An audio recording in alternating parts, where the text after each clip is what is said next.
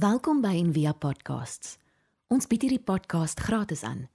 Om 'n bydrae te maak, besoek gerus ons webblad en via.org.za vir meer inligting.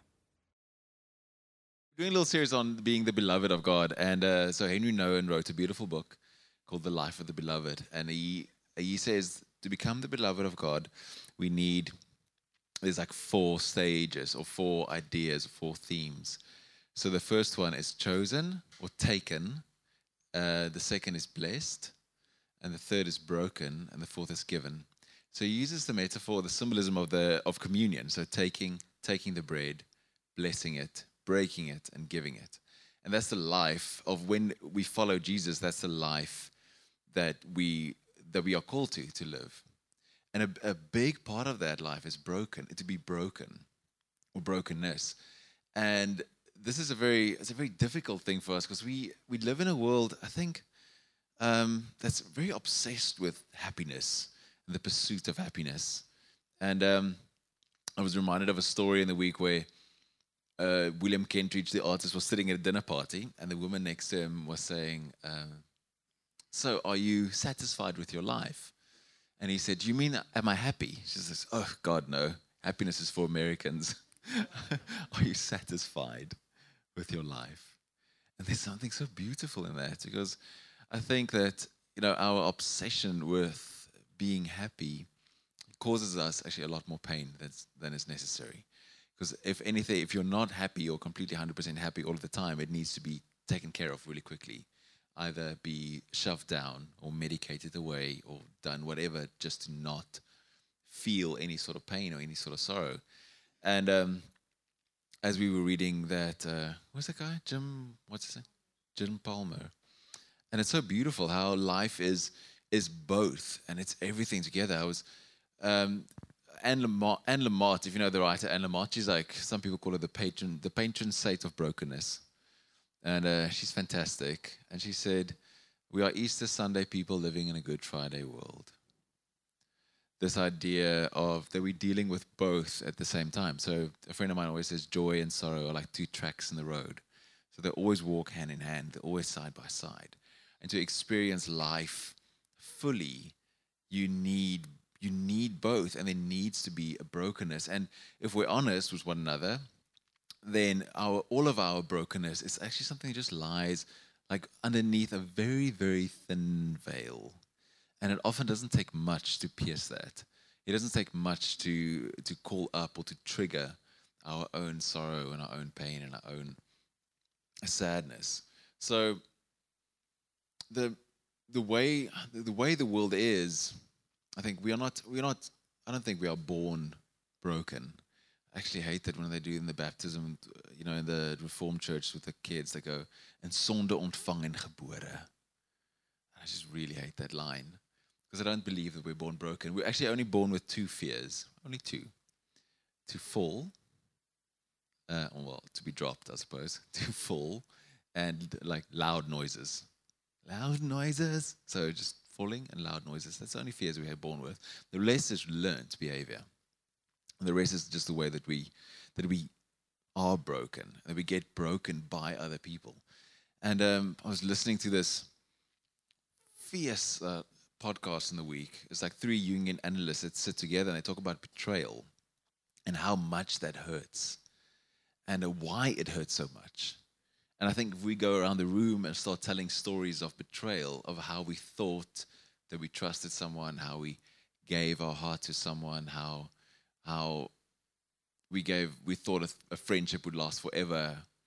I think just in my own life, me and Riolette, like we're life, like we felt seriously the sting of betrayal, and it's like a it's almost like a hatchet to your back or to your chest, and it's like a physical, real, real pain.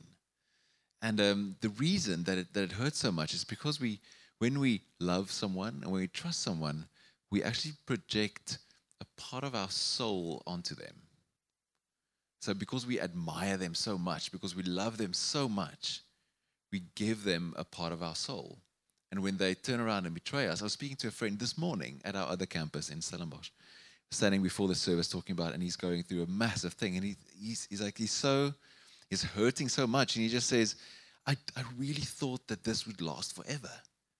It's like, and it's, it's talking about friendship, not even a lover or a spouse or anything, just a friend. And he's like, I thought this would last forever. This is hurting so much because it's just in a moment. It's like this moment, and things start crumbling, and before you can see it, the whole thing is falling down, and you're standing going, What just happened? And we experience this all the time when we get broken, and then we carry this wound with us. or if you're lucky enough to have not been betrayed, or to not have um, experienced such an intense and intentional hurt, general life just kind of wears and tears us. Like after a while, it's like death by a thousand cuts. After a while, there's no more. I see the way our kids are when they they they're always so joyful and expectant about everything, about everything. And we, you know, when it's their birthday party, they plan for it like months in advance, and it's going to be awesome. And what do you want? And there's lists, and there's like this massive like expectation and build up, and it's going to be awesome. And when it's like our birthday parties, you go, "What do you, what do you want?" You're like, eh, "I don't know, like I don't know, whiskey, I guess, or something." Because we we've been disappointed so often that there's no we lose hope generally because life just wears you down. And yet, brokenness it it touches something very unique about our lives like it's something very uh, Palmer Parker oh not Palmer Parker Henry Nouwen in his book in the life of the beloved says like that our brokenness actually shows something of our chosenness of our uniqueness because no two people are broken in exactly the same way. You can say that all the glasses are made in the same way but not all of them are broken in the same way. And in some of the meditations you'll often have this exercise where you have to imagine somebody sitting in front of you that you don't really like, and you have to pray for them for happiness and health.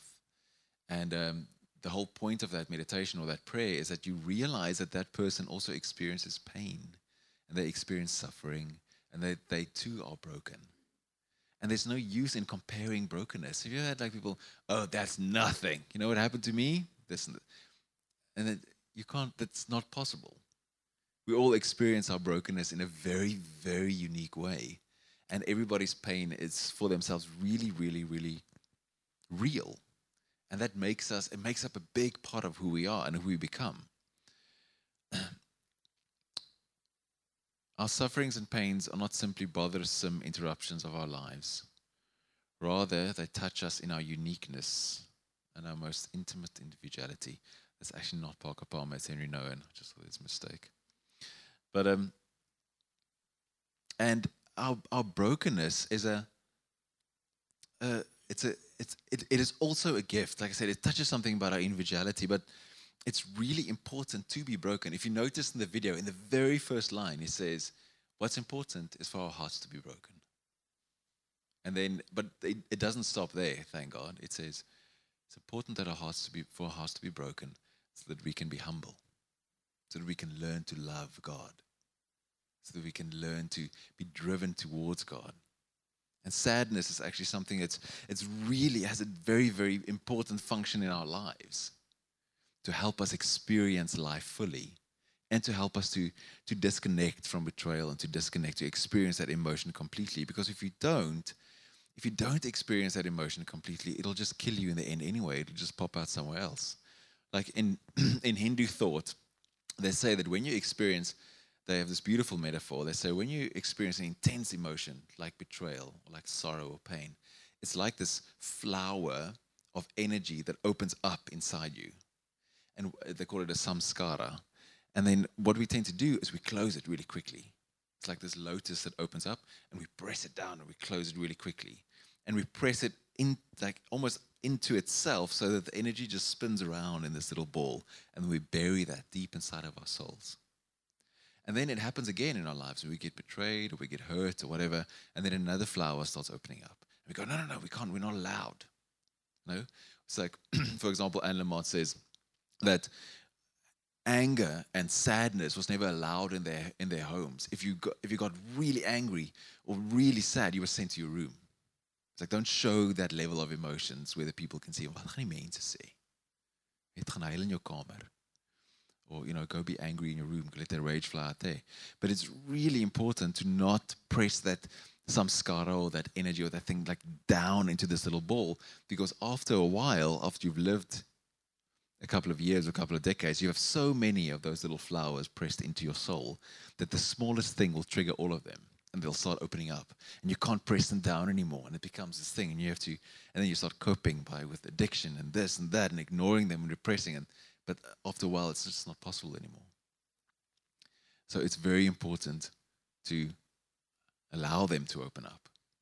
So what henry nouwen says in his book the way to deal with our brokenness is actually twofold we place it underneath the blessing so blessing is what god says about us confirming our chosenness.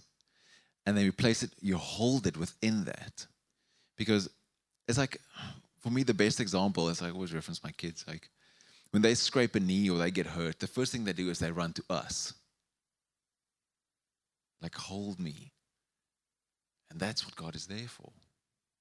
What He wants to do is to hold that pain and hold that blessing, like with you, is to do that. And the second is to sit with it and to let that rage out and to let that flower of hate and energy or sadness or pain or anger and just let it open up completely so that it can dissipate and almost disappear or dissolve within within God. And so that in that the growth can then come. So I mean Christianity like our central our central metaphor is death. Death like our symbol for crying out loud is an instrument of execution. So, and it's amazing to me always how big a problem so many people that say they follow Jesus have with death. The last week, and we had Halloween with the kids, and people like, no, you can't, it's celebrating death. I was like, you have a cross around your neck. We have a big problem with death. And death is so necessary. And this is the path that we all need to take. Now, this man in the video also said all the time, like, this is the path. Every grinder is different. Like we all get ground up differently by life. But it's within that that our gift comes and that the growth comes and that resurrection comes. And that's what what makes what makes the path a little different. Like um, what's his name? Walter Brueggemann always says we quote Paul in uh, I think it's the second Thessalonians, where he says, We don't mourn like unbelievers do.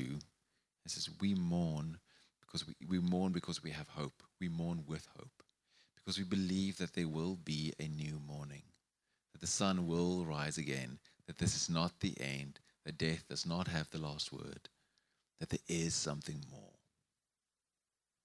But in order to do that, you need to put your brokenness underneath the blessing and hold it truthfully and authentically within God. So we can do a little a little practice quickly. Uh, there's sadness. She's really important. so we have we have uh, in our next to our mirror in our bedroom, we have like we put saints up, like for different times of our lives or different ideas. And then uh, so at the moment there's Henry Nouwen, and um, because it's Life of the Beloved, and then I've got Saint Ignatius, and then Riolette put Sadness up. Sadness is a saint that we need because she's really, really important. Because you need to give her space so she can help you grow. Um, let me just skip those. Um, a practice for me, what's really important and really important about this community and something that we value is to live a life of practice that you have practices built into your life and that you do all the stuff that you just sit and listen. So I want us to do a short little practice uh, to help you to feel the emotion. So if you want to do it with me, you can. If you don't want to, it's fine. But put both of your feet on the floor and let your hands just rest comfortably, comfortably in your lap. You can slowly close your eyes. Just take a big, deep breath.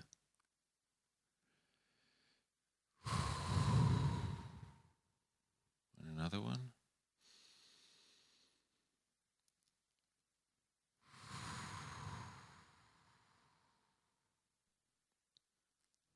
Another big, deep one right into your belly.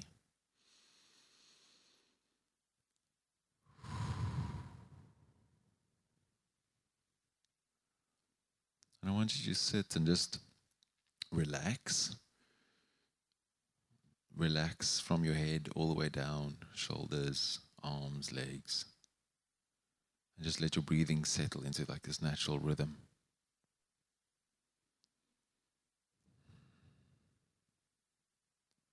Feel your weight on the chair.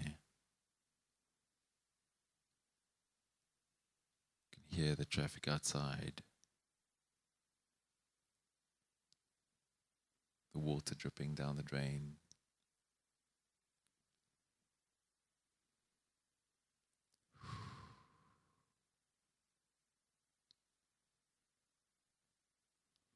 And as you're sitting, I'm sure that during the session, maybe some memory or little flower inside started opening up.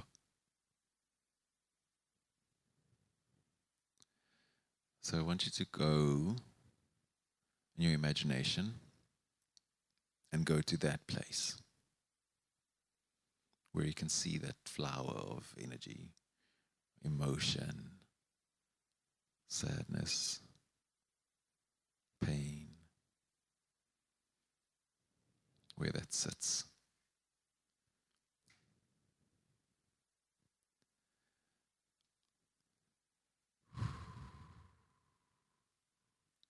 Just breathe deeply.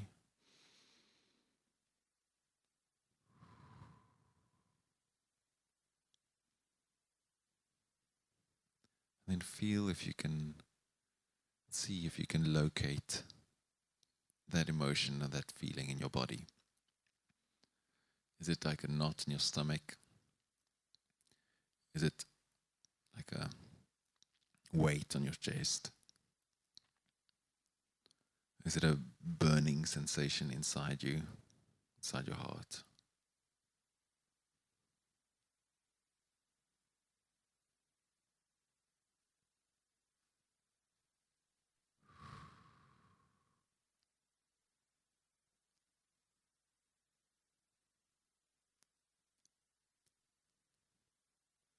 Want you to feel it.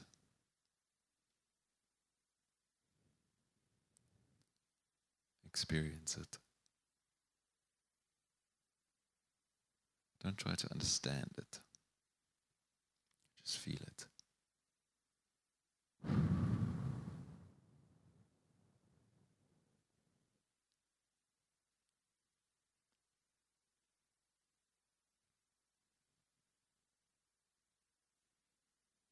Maybe notice what color it is. Maybe it's a flaming red or dark, deep black.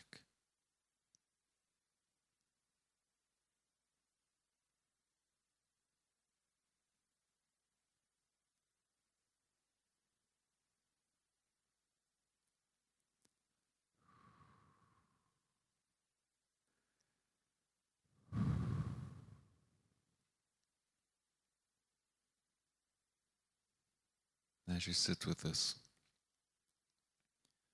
you can see how it how it bubbles and turns and burns and maybe it burns out. Maybe it just disappears into ash.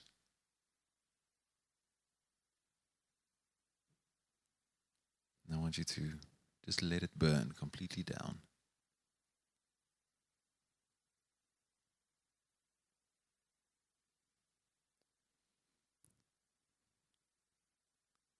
And then once it's burnt out and just smoldering, maybe it's cooled down. I want you to just in your imagination scratch in the ash.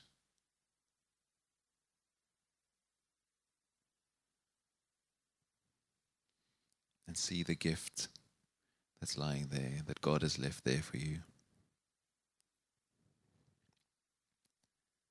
Maybe it's in the shape of a, a jewel or a flower.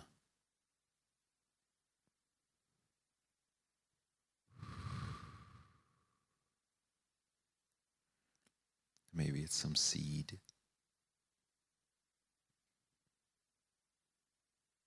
A treasure.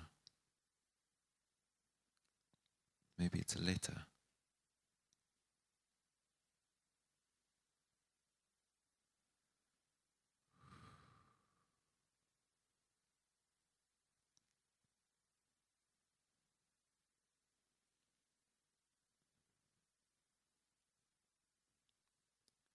Pick it up. You hold it in front of your mind's eye.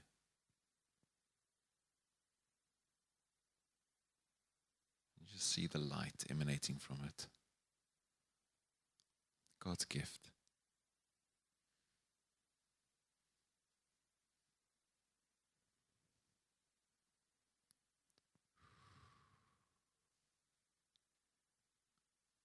You take that and you bury it deep inside your heart.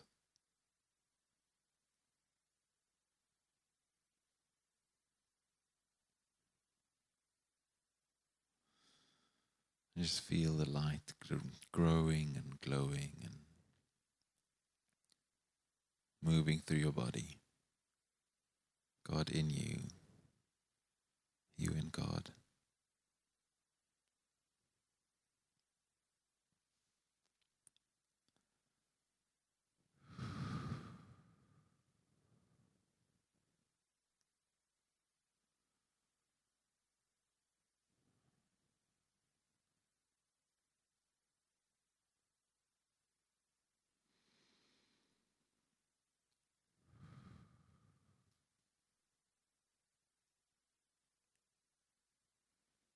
You're ready, just move your fingers and your toes. Bring your attention back into the room. Slowly open your eyes.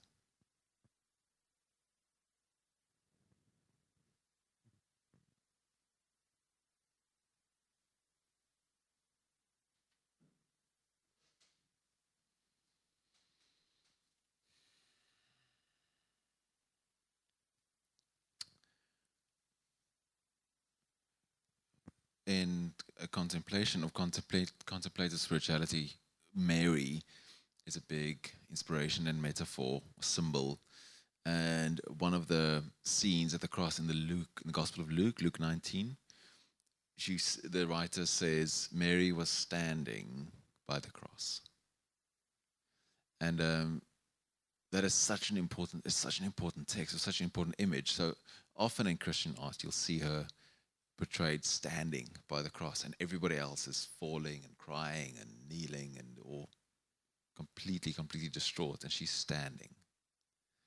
And that's exactly what we're invited into to do what we did just now in the practice is to stand within that pain and within that sorrow so that it can be transformed. So that something beautiful can come from it. So that it can be a gift. That's the thing. That's the end. That's what we'll be talking about next week about being given. And just as in this film we watched in the beginning, how in the midst of that tsunami, in the midst of all that destruction, there's this gift. And he brings this gift. And there's this beautiful line at the end where he says, I for Japan, Japan for the world, the world for Christ, and all for God. Bringing that beauty and everything into it. There will be a new morning. Let's pray together. Thank you, Lord, that we can, that we don't have to be afraid to hold our pain and our sorrow in you. Thank you for the gift of tears, the gift of sadness, the gift of suffering that brings us our vocation, our calling, and a gift that we can bring to the world. Thank you that you love us so much, that you are always with us, even while we are being ground up. Thank you that we can share in some small way your suffering. We pray this in your name. Amen. Ons hoop van harte jy het hierdie podcast geniet of raadsaam gevind. Besoek gerus en via.ok.za vir meer inligting.